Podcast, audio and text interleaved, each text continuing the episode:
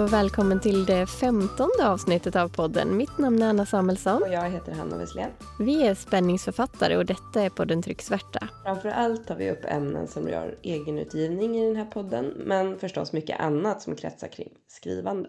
Just det. Hur är det med dig idag, Hanna? Ja, inte toppen faktiskt. Eh, jag är lite förkyld ifall du undrar varför jag låter lite hes och täppt och sådär. Hur är det med dig? Eh, ja, det är lite krassligt här också tyvärr. Lite ont i halsen och sådär, men vi får väl försöka göra det bästa av det.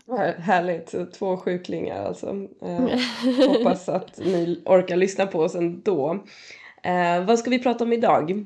Idag ska vi prata om att bygga karaktärer. En sån oerhört viktig byggsten i manuset. Ja, så är det ju en bra historia behöver ju karaktärer som man vill följa. Så det ska bli roligt och intressant att diskutera tycker jag. Se om vi tycker likadant.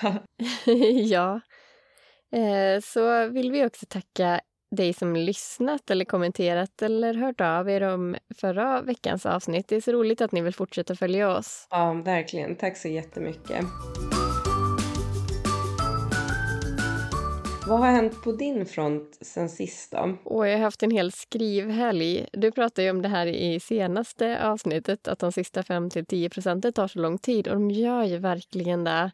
Jag vill inte missa någonting och ta med något. Eh, och nu är det mitt friluftsprojekt som jag pratar om. För del två i min spänningsserie har jag pausat i ett par veckor eller sådär tills den här andra är klar. Men just det, det förstår jag. Men vad härligt med en skrivhelg. Är du klar med det manuset nu eller? Ja, i princip, men inte sättningen då förstås. Det är en del bilder kvar också, bland annat omslagsbilden. Eh, och plus hitta ett rätt tryckeri och format, för jag fick reda på att mitt tryckeri inte kan trycka i färg i inlagan, så jag har ett par stycken som jag väljer mellan, ett par tryckerier då, som jag får tips om. Ja, synd att de inte kunde det, men det blir säkert bra med något av dem nya också. Ja, jag hoppas det. Så nu är det ett stort jobb att välja format och sen så ska jag göra ja, omslaget och inlagan. Ja, men ja, det ska bli jättekul att se den. Så spännande att du har under ja, men så kort tid som det ändå har gått sedan du bestämde dig för det här projektet så har det kommit otroligt långt känns det som. Ja, ja, det är en helt annan sak. Jag behöver ju inte hitta på saker utan det känns som att jag ändå kan plocka fram den kunskapen som finns och det är så mycket lättare på ett sätt. Mm, mm, förstår det. Vad har du haft för dig sen sist då? Ja, eh, nu är det två veckor sedan sist. Jag har skrivit upp här lite vad jag har gjort. Eh, dels så har jag putsat lite till på manuset till eh, brickan i spelet. Jag har eh, färdigställt baksidestexten och andra ja, textsnuttar som ska vara på omslaget så att det kan bli helt färdigt. Eller nästintill färdigt. Eh, den sista saken till omslaget är ju hur bred ryggen ska vara. Och det är ett mått som man får från tryckeriet när man vet exakt antal sidor. Så förutom det är det i princip klart. Ja, ah, kul. Ändrade du något i baksidestexten jämfört med den som du läste upp i podden innan sommaren? Mm, jag tror att jag ändrade lite. Jag kommer inte ihåg exakt vilken version jag läste upp. Men det blev nog några små ändringar. Men i, i princip så eh, liknar den i alla fall den som jag läste upp. Ja, nej, men det behövs väl ofta lite små justeringar. Mm. Men eh, ja, den blev bra tycker jag. När ska du dela omslaget då? Snart. eh, i, ja, men i veckan tror jag. Ja, ah, kul. Annars då? Har du hunnit med något, något annat? Mm, ja, jag har varit på två marknader med ett, ett bokbord. Um, eller rättare sagt en marknad och ett uh, lopp faktiskt. Mm. Så att uh, det har blivit något sånt varje helg nu i augusti uh, upptäckte jag.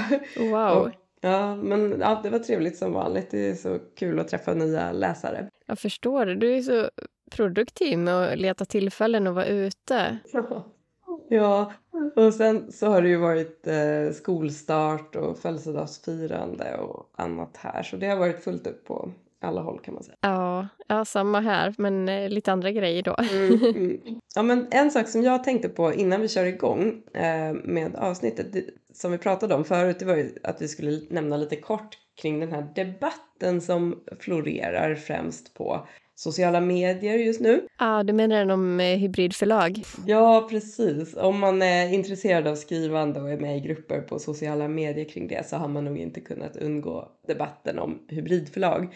Och den går ju in lite i egenutgivning också, men Upptakten var, som jag förstår det, en tidningsartikel där skribenten menar att vissa hybridförlag profiterar på förhoppningsfulla människor som vill bli författare. Just det. Vad tänker du om eh, debatten? Ja, jag vet inte riktigt. Jag har inte lagt mig i den, även om jag såklart har synpunkter. En reflektion som jag har det är väl att delar av det som skrivs låter som att man tror att det är 2009 och inte 2023 kanske tycker jag. Ja. Alltså bokbranschen är ju i förändring och förändras även om inte alla vill det. Och traditionell utgivning är inte längre det enda sättet att ge ut en kvalitativ bok som läsare är intresserade av, tänker jag. Så ja, Va, vad tänker du? ja, jag tänker likadant. Det är inget fel att ge ut på ett hybridförlag eller egenutgivning heller. Då. Däremot så är det fult om man som hybridförlag utger sig från att det handlar om traditionell utgivning och att man sen plötsligt presenterar en kostnad till författaren. Absolut. Alltså, transparens är ju väldigt viktigt och det kanske var lite det den här första artikeln egentligen var ute efter. Men, mm. men debatten har ju liksom flugit iväg åt alla möjliga håll. ja, men som författare ska man inte skämmas vare sig man ger ut på hybridförlag eller som egenutgivare. Det är bara olika sorters utgivning och det finns givetvis många högkvalitativa böcker som ges ut på andra sätt än genom traditionella förlag. Ja, jag försöker faktiskt inte lägga fokus på alla kommentarer och inlägg som finns, framförallt på Facebook då, om det här. Jag tror att de här långa trådarna som finns skapar ganska mycket osäkerhet och tvivel och sådär. Mm. Och det, det verkar finnas mycket som jag tycker av felaktiga antaganden och spekulationer och sådär. Eh, så jag har verkligen inte läst allt men samtidigt har jag inte kunnat låta bli att läsa en del såklart. Och jag fokuserar ju hellre på att lägga min tid och kraft på skrivande och bokutgivning än att försöka övertyga andra om min åsikt.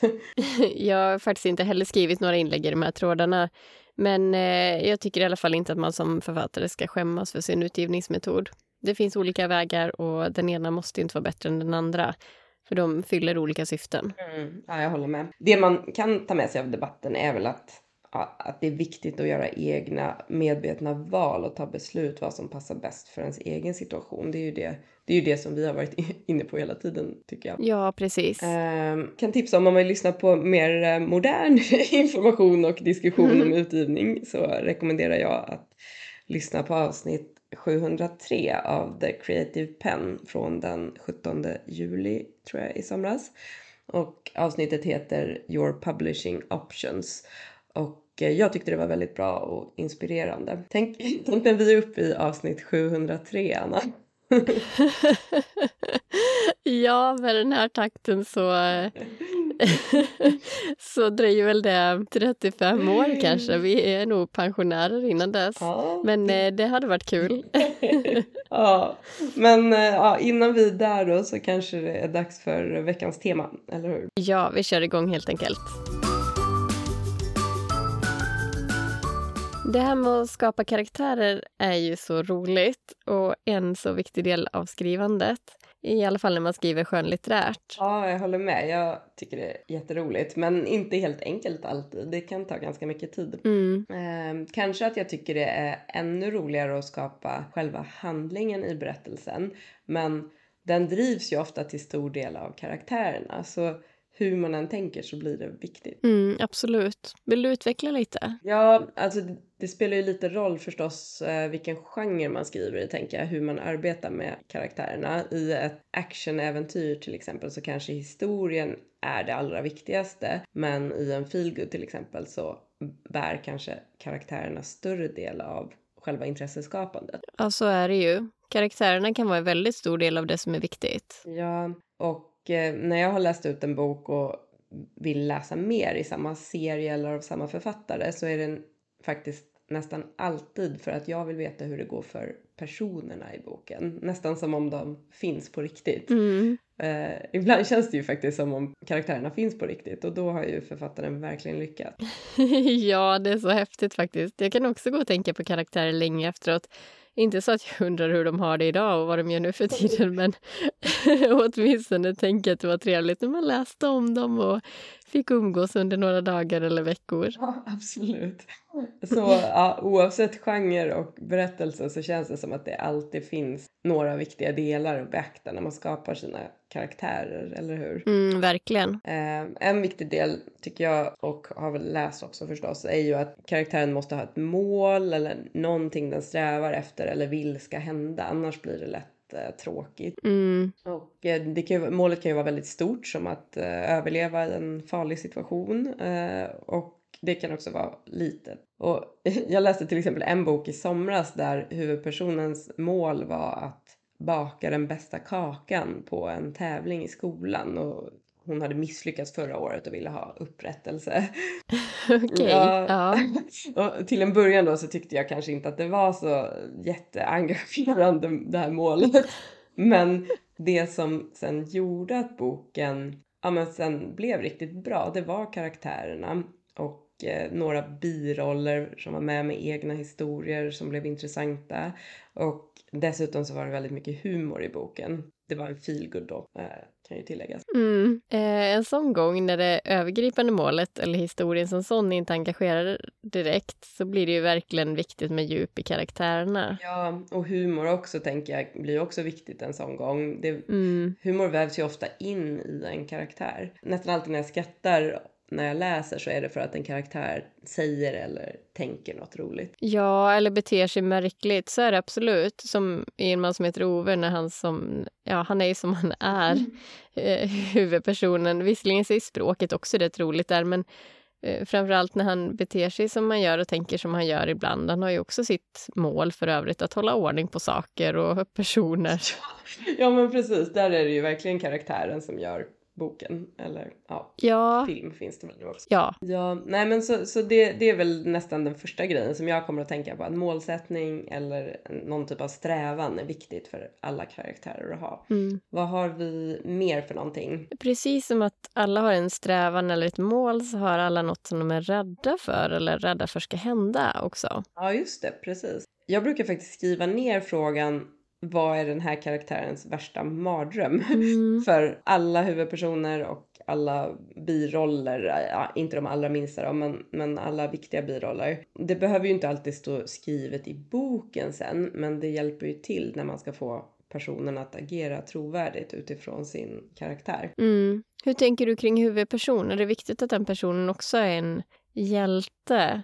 Eh, och hur bestämde du hur din huvudperson Emily skulle vara? Mm, eh, det beror nog mycket på bok, tänker jag. I Nepalsviten, alltså min trilogi, som ju är lite action-thriller eller vad man ska kalla det, så vill jag ha en huvudperson som har lite hjältemässiga drag. Någon som kan rädda sig själv och andra ur farliga situationer. Mm, mm. Eh, samtidigt så ville jag ju att hon skulle vara som en vanlig människa också, inte som en liksom, superhjälte utan mänskliga drag om du förstår vad jag menar. Ja, jag förstår. Jag tycker det är bra. Det är lättare att identifiera sig med henne då. Ja, precis. Det, det var så jag tänkte. Hur, hur tänker du då? Behövs det en eh, hjälte i boken? Eh, jag vet inte. Man kan ju vara hjälte på många olika sätt. Jag, jag, vet inte om mina huvudpersoner är hjältar direkt, även om vissa agerar på sina egna sätt för att lösa sina eller andras livssituationer eller problem. Och det kan ju vara hjältemässigt i sig. Eh, man måste ju inte alltid rädda världen. Nej, precis. Man kan vara hjälte i det stora eller i det lilla. ja, och i min bok kanske det precis som i många andra spänningsromaner, då, polisen som är en slags hjälte samtidigt som jag egentligen har huvudpersoner utanför Polismyndigheten som jobbar som helt andra saker. Så hjälten är inte alltid huvudperson i en bok. Men eh, jag tycker att din bok är lite mer åt thrillerhållet och då är det viktigare med hjälte, tycker jag. Vilket Emily i din bok är. Ja, ja vad bra. Ja, men jag, jag håller med. I en eh, feelgood eller kanske romance-bok nej, då är kanske hjälterollen mer underordnad. Mm, det beror verkligen på genre. Mm. Apropå hjältar då så kan jag faktiskt rekommendera en bok som jag läste nyligen som heter Ten steps to hero av Sasha Black. Och där går hon igenom eh, steg då för att skapa den perfekta hjälten. Den är ganska roligt skriven också. Ja, ah, perfekt ju. Hur tänker du när det kommer till antagonisten då? Ja, på ett sätt är antagonisten nästan mer spännande att forma, har jag insett att jag tycker. ja, hur menar du då? Jo, men på något sätt så är det en person som är ond eller i alla fall har den oftast motstridiga intressen gentemot huvudpersonen. Mm. Det behöver ju absolut inte vara ett ondskefullt monster men vi håller ju oftast på hjälten och antagonisten är någon eller något som står i vägen. Mm. Ibland kan det ju vara ett naturfenomen eller annat som är antagonisten också. Men eh, om vi håller oss till mänskliga antagonister en stund nu då kanske. Just det. och eh, det som blir spännande tycker jag då med att skapa en antagonist är ju att antagonisten är ofta hjälte i sin egen berättelse. Eh, troligtvis går inte den personen runt och tänker att den är ond utan det är en person som rättfärdigar sina egna handlingar och eh, sin agenda på något sätt. Ja, jag tycker om sådana som är halvt antagonister som kanske inte är onda egentligen utan bara har sin egen agenda ändå och som kanske är lite goda ibland och lite onda ibland beroende på vilket sammanhang de eh, är i. Och sådana finns det ju gott om och Alltså både i verkligheten och i böcker höll jag på att säga. Men det, det är ju vanligare med sådana personer än, än sådana som är alltigenom onda. Och det blir ju ofta mer trovärdigt än om en person bara är ond utan anledning. Ja, man vet inte riktigt vad man har dem. och, och dels tycker jag det är väldigt underhållande både att skriva om och läsa om sådana karaktärer. Och dels tror jag att det kan skapa en osäkerhet hos läsaren som inte riktigt vet vad som kommer hända och blir nyfiken och vill läsa vidare på grund av det. Ja, ja exakt. Jag håller verkligen med. Ja, så, så länge beteendet inte är helt eh, ologiskt uppåt väggarna. Ja, men exakt. Sen, sen finns det ju bifigurer också. Mm. Och det kan ju faktiskt vara djur också. Ja, du har ju ett par hundar i statisterna till exempel. Ja, den ena fick vara med från början och den andra för eh, dynamikens skull. Ah, hur, eh, hur tänkte du där? Ja, dels är ju hundar, eller husdjur då generellt, något som ägare ofta bryr sig om väldigt mycket. Och om djuren hamnar i knipa så kan det skapa svåra val och svåra val är alltid bra. Mm. Men det kan framförallt bidra till en mer social scen än om huvudpersonen hade varit ensam i den scenen. Det var delvis därför jag fick ta med en andra hund i mitt manus. Ja, men, ja just det. Det är ju jättebra. Djur kan ju skapa så mycket känslor och i vissa fall tror jag att läsare kan reagera ännu starkare om ett djur far, far illa än om en mänsklig bikaraktär råkar illa ut. Det är mm. lite samma som med barn. Själv, själv så klarar jag inte ens av att läsa om barn som far illa eller råkar illa ut. Eh, särskilt inte sen jag fick egna barn. Så, sådana böcker väljer jag bort. Liksom. Ja, jag förstår det. Vill du berätta lite kring hur du tänkte när du skapade dina bifigurer? Ja, absolut. Um, för det första då så har jag varit noga med att varje person som är med i manuset ska fylla en funktion. Det blev ganska många karaktärer ändå så jag ville inte ha med någon onödig. Nej. Sen så tycker jag att på något sätt kan man ta ut svängarna lite mer i eh, bikaraktärerna. Och jag tror att det är därför som vissa bifigurer ofta blir favoriter hos läsarna. Det vet jag inte om det stämmer men det är bara vad jag tror. Mm. Och nu, nu pratar jag inte nödvändigtvis om mina egna böcker utan generellt då. Mm. Eh, huvudpersonen vill man liksom att läsare ska identifiera sig med och därför kanske bifigurerna ofta blir ännu mer speciella eller vad man ska säga. Mm. Och då är man liksom inte så rädd att någon har svårt att identifiera sig med dem. Ja, det låter rimligt. Um, ett exempel som jag kommer att tänka på nu bara det, det är han eh, Spike i filmen Notting Hill. Han är ju en bikaraktär men han lyfter hela filmen tycker jag i alla fall. Han står för väldigt mycket humor och han är väldigt speciell. Så är det ofta tycker jag, att bikaraktärerna för in humor i manuset. Ja, och ett annat exempel är ju Pascal Engmans bok X som jag nämnt förut i podden här för att jag tyckte den var väldigt bra. Men eh, där är en av birollerna en så kallad eh, furry, alltså en person som identifierar sig väldigt mycket som ett djur, i det här fallet eh, lever då som en katt. Eh, hoppas, hoppas jag inte spoilar någonting nu, men jag, tror inte det. Eh, så jag menar, han har också tagit ut svängarna väldigt mycket och, och det finns fler sådana böcker också som jag tänker på. Det, det är väldigt roligt. Det låter ju det låter väldigt roligt. Jag måste verkligen läsa den där boken. Men om jag tänker efter då så har jag försökt variera birollsinnehavarna.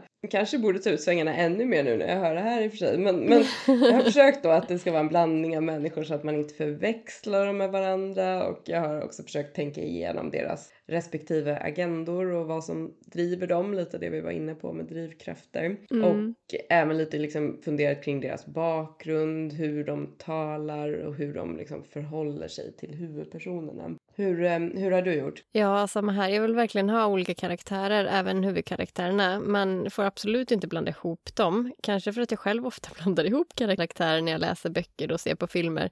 Men då är det kanske tre medelålders män som ser likadana ut och har likadana kläder och alla är poliser och det är hopplöst. Mm, ja. Sen är ju även mina karaktärer lite speciella. Eh, så jag har väl tagit ut svängarna även när det gäller huvudkaraktärerna. Men det har jag delvis skapat för att de behöver ha en viss personlighet för att bli utvalda till det här, den här efterlängtade statistrollen då som boken kretsar kring.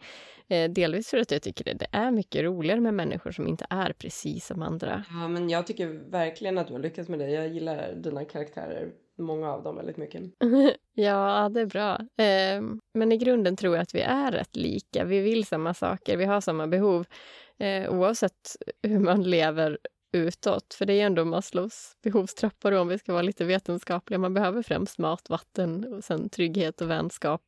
Och sen därefter då makt och uppskattning. Ja, men just det, absolut. Eh, och det är väl vad mina karaktärer strävar efter också, även om de är väldigt olika utåt. Eh, men vissa är högre upp i trappan än andra. Och, men man kämpar ändå för samma sak och får lite uppskattning och trygghet och vänskap och makt och så vidare. Mm, ja, men det var bra tänkt. Jag har inte eh, tänkt på det riktigt utifrån behovstrappan där, men det är ju helt sant såklart. Mm. Sen har vi det här med misstag då som man kan göra när man skapar sina karaktärer. Vi har ju varit inne lite på det kanske, men vi, vi kan väl dela med oss lite av våra egna misstag och även vad vi tror är liksom generella misstag. Ja, vill du börja med något exempel? Mm, ja, men ett eh, misstag som jag själv har lätt att göra eh, är att antagonisten inte har några positiva sidor. Ah. Eh, och jag, jag, fick det påpekat i ett tidigt utkast till eh, Sprickan i fasaden att eh, en av antagonisterna Jussi då, verkade alltigenom ond och farlig. Aha. Mm. Mm, så att jag försökte väva in lite mer mänskliga drag hos honom då. Um, även om han fortfarande är ganska läskig sådär. Men bland annat den här hunden Kali som han älskar och att han värnar om sin personal eller vad man nu ska kalla hans gäng. ja, och hundar är ja, bra. Ja, där kom en hund då. Precis. ja. Um, sen har jag några andra antagonister i uh, boken, ganska många faktiskt. Och en del av dem får man följa, alltså jag har kapitel ur deras perspektiv och då får man ju större förståelse varför de agerar som de gör. Mm. Eh, I något annat fall så försöker jag få in eh, en del av karaktärernas bakgrund som kan utgöra liksom en förklaring till varför de har blivit som de har blivit. Så att det, det är på så vis som jag liksom har försökt eh, råda bot på det här misstaget. Då. Um, kommer du på något misstag som du har gjort bland dina karaktärer? Eh, jag hade en testläsare som påpekade att många karaktärer verkade väldigt arga i första utkastet. Oj då. ja, han hade nog rätt i det. Och jag la in lite fler glädjemoment, till exempel att någon som eh, umgås med, med sina vänner, sin make eller sin hund eller vad det nu kan vara och kanske fikar något gott och finner lugn av det. Och, och jag tror att det behövs, för det, det är en del misär i boken. Eh, och nu tycker jag det i och för sig jag tycker ju mer om att skriva om det än om glädje. Men eh, det behöver ju ändå vara någon typ av balans så att man inte ska bli man ska inte bli deprimerad när man läser en bok. Och jag hoppas att jag fått, eh, fick till det där efter att ha redigerat. Ja, ja men det tycker jag absolut. Det var inget jag tänkte på i alla fall. Jag läste ju den färdiga boken. Så, nej. nej, men då lyckades det väl. Ja, absolut. Eh, sen eh, ett generellt misstag som jag har läst eller hört är vanligt det är ju att eh, huvudpersonen eller karaktären då saknar målsättning. Precis, ja, det vi var inne på tidigare. Mm. Och det, det, är ju förstås extra viktigt för huvudpersonen. Det kan inte bara vara massa spännande saker som händer för en person och den bara flyter med. Liksom. Mm, nej, då är det ingen som driver framåt. Man vet liksom inte vad karaktären vill eller bara driver runt lite tomt i den värld som man byggt upp. För de flesta människor har ändå olika mål, även om man inte alltid kan definiera dem själv. Ja, och i skönlitterära böcker är det ändå väldigt viktigt skulle jag säga. Eh, sen så kan det ju vara så att huvudpersonen tror eller tycker att den har ett mål i början och sen kan ju det där faktiskt förändras under bokens gång. Att det liksom, den mognar eller utvecklas och får ett annat mål. Det är ganska vanligt till och med och det tycker inte jag är något fel alls. Men, men eh, någon typ av eh, riktning eller målsättning måste ändå finnas. Och lite som vi var inne på tidigare, det kan ju vara både små och eh, stora mål den har. Ja, jag håller verkligen med. Det, det där med utveckling är viktigt för en karaktär. Sen har vi ju avsaknaden av brister. Ibland vill man ju framställa sin huvudperson, eller hjälte då, om det nu är en hjälte, som perfekt. Men ingen är ju perfekt. Och det måste inte vara stora saker, men han eller hon kanske är kass på att köra bil eller missbedömer avståndet i ett slagsmål. Eh, och kanske blir eh, han på uruselt humör om man inte får sin kaffe eller att eh, den kvinnliga hjälten smäller i dörrarna varje morgon eller vad det nu kan vara. Ja, precis. Så, så någon eller några brister behöver man liksom väva in utan att för den saken skulle nödvändigtvis kalla dem för brister. Ja, det är nog bra att undvika att skriva läsaren på näsan med att det här är en brist.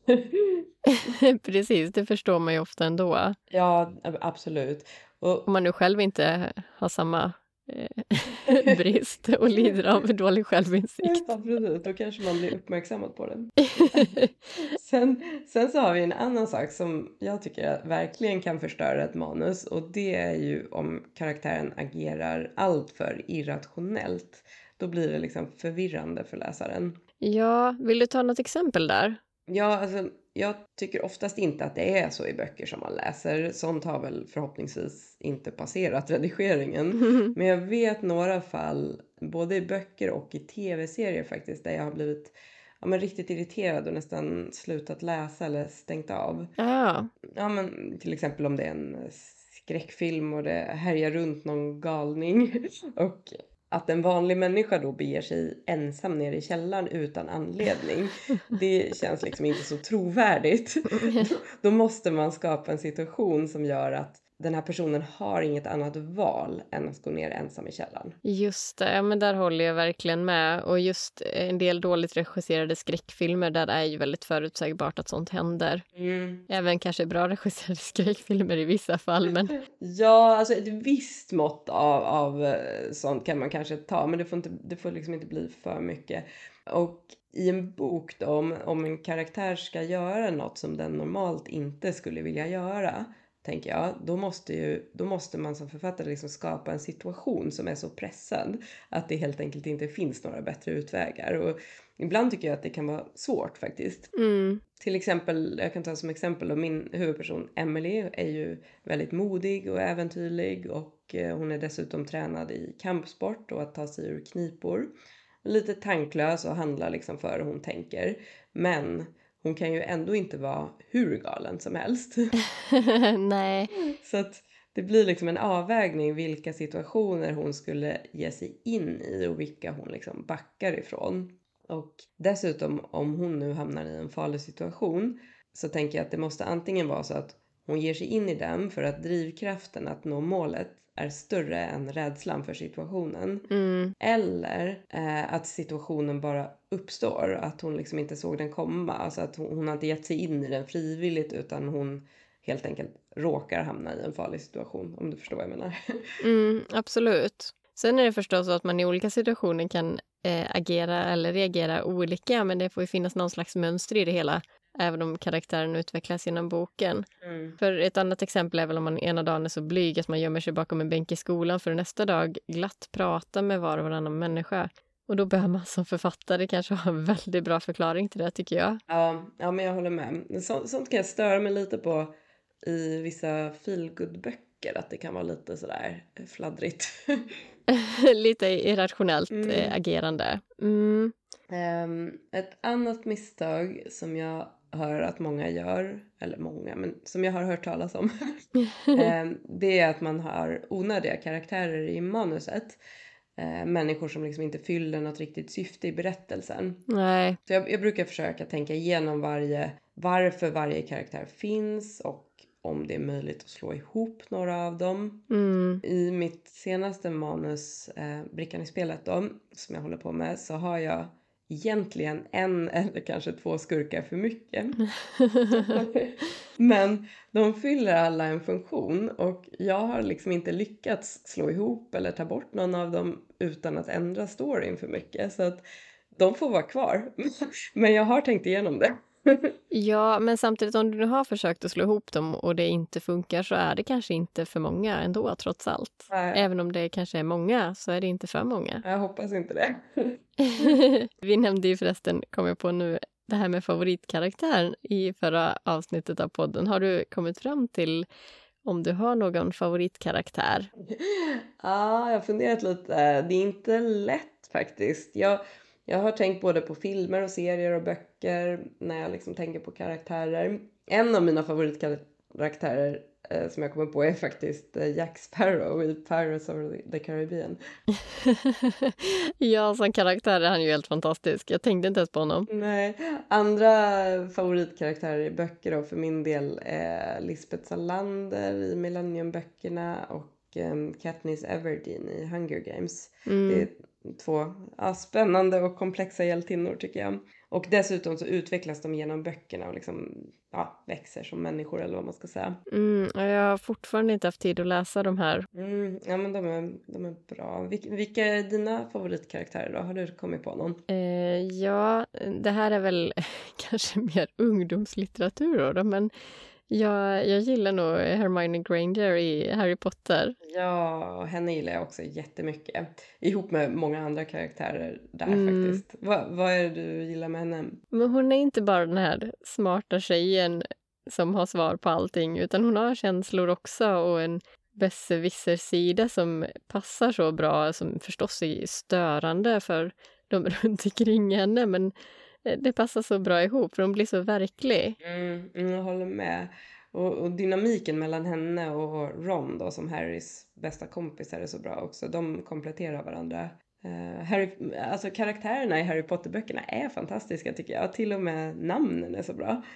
namnen har jag faktiskt inte ens reflekterat över där, men kanske för att det är engelska namn och då accepterar jag dem nog bara rakt av. Ja, jo men det är klart. Jag jag kommer att reflektera över det just eftersom de har valt att översätta vissa av karaktärernas namn i de svenska filmerna. Ah. Men, men för att återgå till Hermione så tänker jag också att hon genomgår en utveckling under serien. Mm. Eh, dels för att hon blir äldre såklart men jag tänker också att hon i början är lite mer fyrkantig och alltid liksom följer reglerna men så utvecklas hon till en ja, men mer självständig och hon förstår när det är dags att bryta mot reglerna för att de är fel eller rent av är styrda av fel sida. och ja, då tänker jag liksom främst på bok fem och framåt. Just det, ja det var väldigt bra sammanfattat. Visst är det så? Mm, ja men det, det, finns verkligen många bra karaktärer i de böckerna att välja bland. Mm. En, en bikaraktär som blir viktigare ju längre man kommer i Harry Potter-böckerna är ju Neville Longbottom. Honom gillar jag verkligen också. ja, han utvecklas ju också mycket. Ja, i början är han lite bortkommen och råkar ofta ut för saker så att folk skrattar åt honom och sådär.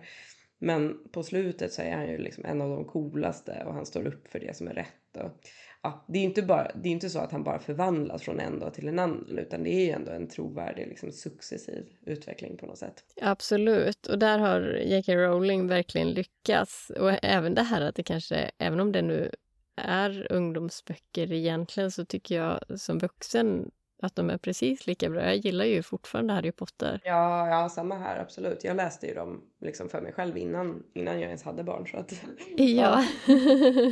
eh, och även om karaktärerna är väldigt viktiga så är det inte så lätt att plocka ut sina favoritkaraktärer i alla böcker för det hänger så tätt samman med berättelserna som de är inne i. Ja, absolut. Det var väl därför det var så svårt här att liksom komma på vilka mm. som var våra favoritkaraktärer. Men ja. eh, min favoritkaraktär i din bok, Statisterna, är Steffo. Det tror jag att jag har sagt tidigare. ja, han var ju min första karaktär som jag skapade. Jag tycker ju mycket om honom själv. Ja, det fin dels finns det ju mycket humor inbäddat i hans karaktär. Han är så självupptagen och samtidigt helt omedveten om hur han uppfattas av omvärlden. Mm. Och de, dels tycker man liksom lite synd om honom. Han är, ja, han är olyckligt omedveten om sina brister och det, det gör att han hamnar i situationer som är allt annat än bra. ja. Och, ehm, ja, men därför vill man ju liksom gärna se vad som händer härnäst i hans liv. ja, men det är kul att du gillar honom eh, mycket och det är nog sådana känslor som man får för honom och, och som jag också får för honom. Mm. Ja, men han, han har ju allt det där vi talade om och tidigare också med målsättningar och rädslor och så vidare. Och ja, det har du lyckats jättebra med tycker jag. Ja, kul att höra. Vilken karaktär tycker du har varit roligast att skriva om då? Ja, alltså Steffo var ju min första karaktär och jag vet inte om det är därför jag själv också gillar honom så skarpt och tycker att det är väldigt kul att skriva om honom. Eh, för han försöker och så funkar det ändå inte och jag känner ju också med, jag känner ju också med honom av den anledningen och jag vill ju att läsarna ska engagera sig i karaktärerna. Mm, ja, men det är ju en av de viktigaste sakerna med manus att det skapar känslor, vilket ofta kommer utifrån att man känner med karaktärerna och liksom engagerar sig i deras liv. Mm, och det känns som att många karaktärer i min bok verkligen försöker med sina egna mål och syften förstås och så går det liksom ändå inte alltid särskilt bra. Nej, men, men det är nog ett smart grepp att, att man vill att det ska gå bra för dem. Man vill liksom hjälpa till i deras misslyckade försök och, och därmed så blir man engagerad i vad som ska hända. Ja, jag hoppas det. Vilken karaktär tycker du är roligast att skriva om i din serie? Ja, jag tycker faktiskt att de kapitel som är skrivna ur Sebastians perspektiv är ja, nästan roligast att skriva och de liksom flyter ofta lätt på något sätt. Mm. Uh, han, han är ju en av de viktigaste birollerna kan man väl säga och på ett sätt är han ju absolut en antagonist. Uh, och han agerar allt annat än ädelt i många situationer. och även om man inte skulle göra likadant själv så tycker han själv liksom att han har rationella anledningar till sitt beteende. Ja, antagonister kan vara väldigt spännande att beskriva. I allmänhet kan man ju inte göra dem enbart onda och det är verkligen en utmaning ibland. Ja. Eh, och jag gillar ju Emily, huvudpersonen i din bok, för hon gör verkligen vad hon tycker är rätt och ibland går det ut över andra saker, eh, tyvärr. Men eh, hon har svåra val att göra, men hon följer ändå sitt hjärta och då sympatiserar man med en sån karaktär, eller jag gör det i alla fall. Ja, ja men det är kul att du gillar henne. Det, jag gillar henne också. ja, och det består ju nu i din andra bok brickan i spelet som jag ju testläser just nu. Mm. Det är väldigt spännande. Eh, men eh, utan att avslöja någonting då, men hon gör ju vad hon tror på. Det ligger en styrka i det. Ja, ja men precis. Sen så har hon fått eh, lite fler egenskaper i andra boken som jag uppskattar. Eh, och det är kul också, för att då, då utvecklas hon ju. Ja, ja, men det är ju liksom på något sätt tanken eller förhoppningen att man ska se en utveckling under de här tre böckerna. Mm, mm. Mm. Eh, det här med namn till karaktärerna, hur har du resonerat där i dina egna böcker? Jag är inte så förtjust i att hitta på namn, jag tycker det är jättesvårt. Ah. men, men jag har ju då försökt ha namn som skiljer sig åt så att det går att hålla isär dem. Eh, sen har jag ju försökt att inte ha exakt samma namn som någon verklig person. Om det inte är ett vanligt namn förstås. Tyvärr så är det nästan omöjligt att undvika samma namn som en verklig person har jag märkt. Ja, med 10 miljoner människor bara i Sverige så är det ju liksom lite svårt. Ja, ja men precis. Och samma sak med företagsnamn. Där har jag också kämpat för att inte ha samma namn som något som finns på riktigt. Mm, men det känns nästan som det är ännu värre. För jag har också varit väldigt noga med det för att då inte råka peka ut någon företagare. Det känns som att det... Ja, nej, det vore ju jättetråkigt. ja. ja. Men en jobbig grej avseende namn måste jag säga, det är att en person som bara är en liten biroll i första manuset blir en antagonist i bok två. Och det visste faktiskt inte jag från början, men det, det måste bli så. Mm, ja, man kan ju inte alltid styra över sånt. Nej, nej precis. Så dessvärre då så har jag ju sen jag började skriva bok ett för flera år sedan lärt känna en person som jag verkligen tycker om och som har samma namn. Och den, den här karaktären blir riktigt vidrig. Så, så, det är jättehemskt att den har samma namn som en som jag liksom känner väl och, och tycker om. Vad tokigt. Men är det både för, för och efternamn dessutom? Nej, nej, bara förnamn men ändå liksom. Så, ja. ja i, I somras när vi såg så kände jag mig faktiskt tvungen att nämna det och liksom be om ursäkt till personen så här i förväg. Så jag, ja, jag hoppas det går bra. Ja. Eh, men hur, hur tänkte du med namn till karaktärerna då? ja. Vissa av mina fick ju byta namn fyra gånger om. Oj, vad var anledningen? ja, det var lite olika, men ibland var det för att jag la till en karaktär en bit in i romanen som jag inte visste från början då, för jag var inte lika strukturerad när jag skrev den Mm. från början. Och då valde jag ett namn som kanske var lite för likt ett som redan fanns. Eh, sen kunde det vara att två namn börjar på samma bokstav, vilket jag försökt undvika för risken för läsaren att blanda ihop dem. Ja, men smart att tänka på det. Jag bytte också namn faktiskt på Emily säkert tre gånger i alla fall. Ah, I början hette hon Stark i efternamn, men sen så såg jag Game of Thrones och eh, kände att jag inte ville ha samma då, så jag, jag ändrade till Storm istället. Och sen så läste jag böckerna om Alex Storm, eh, så då bytte jag igen för att inte liksom härmas. vad roligt, jag hade inte läst. Och precis som du nämnde så insåg jag att jag hade personer i min bekantskapskrets som hade samma för eller efternamn som jag redan valt. Jag hade till exempel råkat ge en mindre trevlig karaktär samma efternamn som en gammal chef innan jag insåg varför namnet lät så bekant. Och då fick jag byta. ja, nej, det kanske inte hade varit så lyckat. Nej. Och sen så var det en annan person som fick samma förnamn och eh, yrke som en person som jag redan känner. Det var heller inte meningen såklart. Eh, och, så då fick jag ju byta det också, ganska sent faktiskt, in i processen. Oj, tur att du kom på det. Ja, verkligen. eh, och jag googlade också på efternamn för att se att de var tillräckligt vanliga eller så ovanliga att ingen hette så, åtminstone inte just i den stan. För det vore ju lite olyckligt om jag omedvetet ger min 40-åriga karaktär i Sala namnet Kalle Bengtsson och den enda Kalle Bengtsson som jag hittar på Eniro eh, bor i Sala och är 40 år. Ja, just det. Ja, men jag håller med. Jag gjorde något liknande på vissa. Ja, och jag råkade faktiskt också ge en polis i statisterna samma namn som en polischef som faktiskt jobbade i Sala. Och det var ju heller inte så lyckat, så hennes namn fick jag byta under tiden jag skrev. Åh men gud, ja men sånt där är ju så onödigt. Ja, och samtidigt så lätt gjort, för det är inte så att man på något vis medvetet ger dem samma namn. Nej, exakt. Eh, och ytterligare en sak som jag kom på nu är att jag läste att det är smart att ha korta, enkla namn till karaktärer som inte är så viktiga och inte förekommer så mycket då läsaren inte kommer ihåg dem lika lätt. Jaha, det har inte jag tänkt på. Eh, att ett Maria passerar liksom lättare än Maj-Louise. Eh, själv hade jag råkat trycka in inte mindre än tre olika dubbelnamn i mitt råmanus, eh, hur jag nu lyckades med det, till karaktärer då som inte var alls särskilt viktiga. Och jag hade förmodligen glömt bort det första när jag kom till det andra och tredje. Ja men det är lätt gjort om man skriver under en lång tid kommer man ju inte ens ihåg vad alla heter till slut. Nej, så är det ju. Och då fick jag faktiskt... Eh, jag, jag tror att jag tog bort två av dubbelnamnen helt och bara kallade dem för eh, ja, städerskan eller vad det nu var för yrke Ja. personen i fråga hade. Eh, för att hon eller han inte förekom mer än en gång kanske. Och då kanske hon inte ens behövde ett namn. Ja men det är faktiskt ett bra tips att ehm, i vissa fall kan man strunta i och ge karaktären ett namn om det är en väldigt liksom Ja, vad ska man säga, oviktig biperson som bara passerar så kanske inte man behöver ge den namn. Om man redan har väldigt mycket namn i manuset. nej, För det, det, vissa tycker ju att det är ganska svårt att komma ihåg eh, och blandar ihop karaktärer och sådär så då kan ju det vara ett sätt att eh, minska sån förvirring. ja verkligen. Eh, Ja men förresten när jag läste om karaktärsbyggande i början så skrevs det en del om huruvida man ger karaktärerna drag från personer i sin omgivning. Eh, eller att en del till och med låter karaktärerna baseras på personer omkring en. Ah, Hur eh, tänker du kring det? jag gör ju inte det personligen men ofrånkomligen finns ju drag av alla man mött eller läst om i ens karaktärer fast i en blandning då. Mm. Jag menar, jag känner såklart personer som är mer eller mindre självgoda och jag har en karaktär som är aningen självgod i min bok, eller ganska mycket då. Jag tror jag vet vem du menar. ja, vi har ju nämnt honom här i avsnittet. Men eh, personer som jag känner som är självgoda har ju hundra andra egenskaper och de egenskaperna har ju inte den här karaktären då, eh, Steffo i min bok.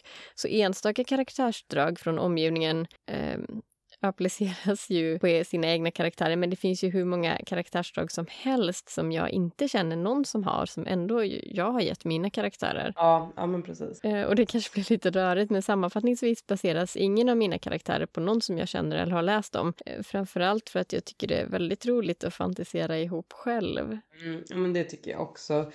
Eh, dessutom så tänker jag, man vet ju oftast inte kanske tillräckligt mycket om de flesta personer man känner för att skapa en hel karaktär karaktär utifrån. Alltså man vet ju inte vad som rör sig i människors inre tankar och så. Det måste man ju liksom veta om sina karaktärer tänker jag. Nej, så är det ju. Eh, men jag skulle nog också vara osäker på om man, om man nu baserade en hel karaktär på en verklig person. Då skulle jag vara osäker på hur personen i det verkliga livet tar den när boken kommer ifall den känner igen sig.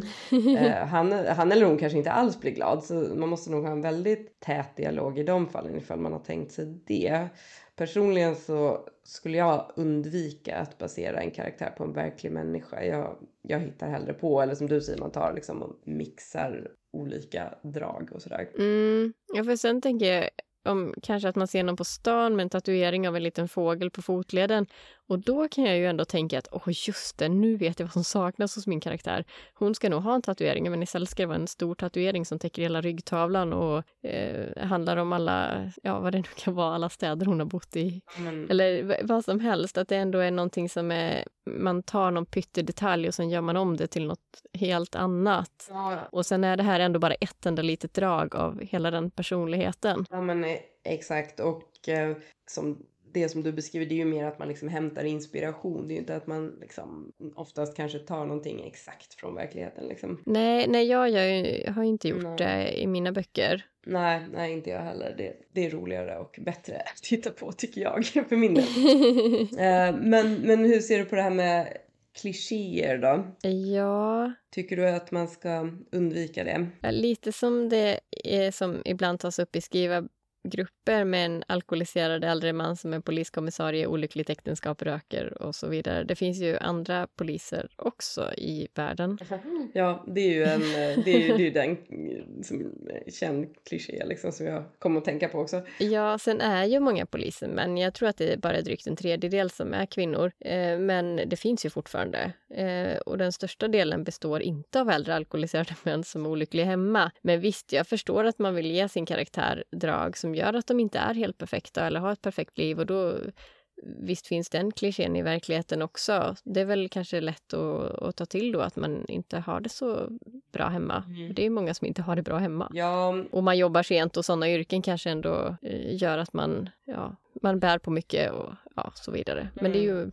absolut inte så att de flesta på något vis har det svårt hemma bara för att de är poliser. Nej, precis. Och sen, sen finns det ju vissa böcker ändå med just den karaktären som, som eh, du beskrev där, men som ändå funkar, som är, som är bra, tycker jag i alla fall. Absolut, jag håller med. Så det, det är så mycket annat som spelar roll än bara klichéerna, mm. om det nu är en kliché det handlar om. Och jag försöker undvika det i mina böcker, men det är svårt att avgöra själv. För jag, jag är till exempel med en lastbilschaufför i min bok och hon är en ung tjej och inte alls urtypen för någon som kör lastbil, även om det förstås finns det finns ju unga tjejer som kör lastbil också och det valde jag helt medvetet. Just det, ja men henne kommer jag ihåg. Jag tänkte på det. Jag tyckte hon var en väldigt bra bikaraktär.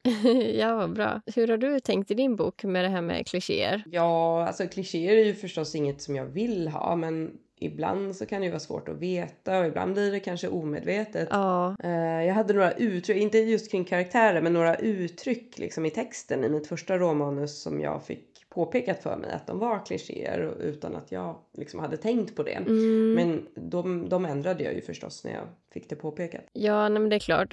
Jag tror det är få som strävar efter att ha så många klichéer som möjligt. Ja, ja, det är klart. Om det inte är liksom någon typ av satir eller komedi då förstås. Ja. Vad är ditt bästa tips när det gäller karaktärsbyggande, Hanna? Mm, äh, mitt bästa tips är nog att ha en lista med karaktärerna och skriva upp äh, några saker för varje karaktär. Äh, framförallt äh, syfte, varför finns den här personen med i boken? Mm. mål, vad är karaktärens mål? Vad strävar den efter? och sen måste ju liksom karaktärernas handlingar koppla då till, till de målen som de har. Just det. Och sen rädslor brukar jag skriva upp också. Vad är den här personen mest rädd för att förlora eller att det ska hända? Mm. Sen brukar jag också fundera kring det här med livslögn. Eller finns det några vanföreställningar eller lögner i den här personens liv? Något som liksom knyter an till karaktärens utveckling. Särskilt om det är huvudpersonen. Just det, det är väldigt bra. Det känns ju som att man kan lägga hur mycket tid som helst på det här med karaktärsbyggande. Eh, så det är ju en liten avvägning. Men jag tycker att det i alla fall är görbart att ha en sån här sammanställning. Antingen liksom nedskriven eller om man nu kan hålla den i huvudet. Det, det klarar inte jag. um, vad är ditt bästa tips? Ja, jag håller med om det, att det är smart med en lista. Men också då som inkluderar utseendet hos karaktärerna skulle jag säga, även om det kan ändra sig under bokens gång. Men i så fall skriver jag det i min beskrivning, för jag har nog en halv till en hel A4 kanske om varje karaktär. Men inte främst om utseendet då, utan egenskaper. Mm. Och inför del två i serien gör jag en ny då det tillkommer en del personer och karaktärerna faktiskt har ändrat sig lite. För de måste ju ha en den här utvecklingen som vi har pratat om. Ja, ja men så är det ju absolut. Det är, det är nog smart att gå igenom, som du säger, karaktärsbeskrivningen inför kommande delar i serien. bra, bra att du nämnde det där med utseendet också, för det har vi ju inte pratat så mycket om. Nej. Um, jag tror att det var i tidningen Skriva, om jag inte minns fel, uh, för ett tag sedan så var det en artikel om att utseendet ofta inte beskrivs så mycket i moderna böcker medan man för hundra år sedan hade liksom långa utläggningar om hur huvudpersonen såg ut. Just det, jag minns också att jag läste om det där. Mm. Men, men jag tror ändå att det är bra att på olika sätt låta läsaren förstå hur en person ser ut. Eh, jag hade, jag hade själv faktiskt helt missat det i mitt manus till Brickan i spelet, den nuvarande boken då. Ah. Och eh, fick det påpekat för mig. Och nu har jag liksom försökt väva in det utan att skriva så här Emily var blond och blåögd, cirka 170 centimeter lång. ja, det går ju att göra det mer mm diskret att mm, mm. blonda hårtestar sticker ut mm. under mössan eller hon syntes knappt bakom eh, bilen mm. eller vad det nu kan vara. Mm. Eh, men, ja, men samtidigt är det ju en annan sak med en serie för många läser de nog i ordning och då behöver ju inte karaktärerna beskrivas lika väl tycker jag i del två och tre. Men jag håller med om att det faktiskt måste ha något utseende där ändå för vissa kanske ändå börjar med bok två och då ska de inte vara helt ansiktslösa de här karaktärerna som man läser om. Nej precis, det var väl det som, som jag insåg. um, det värsta är ju att jag har inte skrivit upp eh, alla utseenden och jag kommer inte ihåg exakt vad som står i första boken. Så jag måste ju liksom, jag har ju varit tvungen att gå igenom och leta vad jag har skrivit om utseendet för vissa karaktärer. Så ditt råd att eh, ta, ta med utseendet i det man skriver upp, det ska jag verkligen ta till mig av. Ja, vad bra att det kom eh, till nytta. och vad säger du, med det så är väl det här avsnittet nästan slut för den här gången. Ja. Vi kanske ska berätta om vad vi ska prata om nästa gång. Ja, det gör vi. Nästa gång ska vi prata om hur man skalar upp sitt författande. Och många skriver ju som hobby vid sidan av sitt vanliga jobb medan andra faktiskt skriver på halvtid eller till och med heltid och det är ju fantastiskt. Ja, och då ska vi också intervjua författaren Sten Rosendahl. Mm, det ska bli väldigt roligt att höra om hans erfarenheter för han är ju väldigt kunnig. Ja, absolut. Och om du undrar över något som vi pratar om idag eller kanske har frågor eller kommentarer så får du gärna skriva till oss på podden trycksvarta.gmail.com eller på Instagram där vi också heter podden trycksvarta. Ja, och vi har ju förresten ett nyhetsbrev också som du gärna får prenumerera på. Mm, och då får du också våra 30 bästa skrivtips och fem skrivövningar. Och eh, prenumerera gör du enklast genom att trycka på länken på någon av våra hemsidor eller på poddens hemsida på Podbean. Ja, och de länkarna hittar du ju på vår Instagram-sida också. Eh, och hoppas att du som lyssnat har fått med dig många tips kring hur du kan skapa dina karaktärer. Du har lyssnat på podden Trycksvärta med mig, Anna Samuelsson. Och mig, Hanna Wesslén. Vi hörs igen om två veckor. Ha det fint till dess.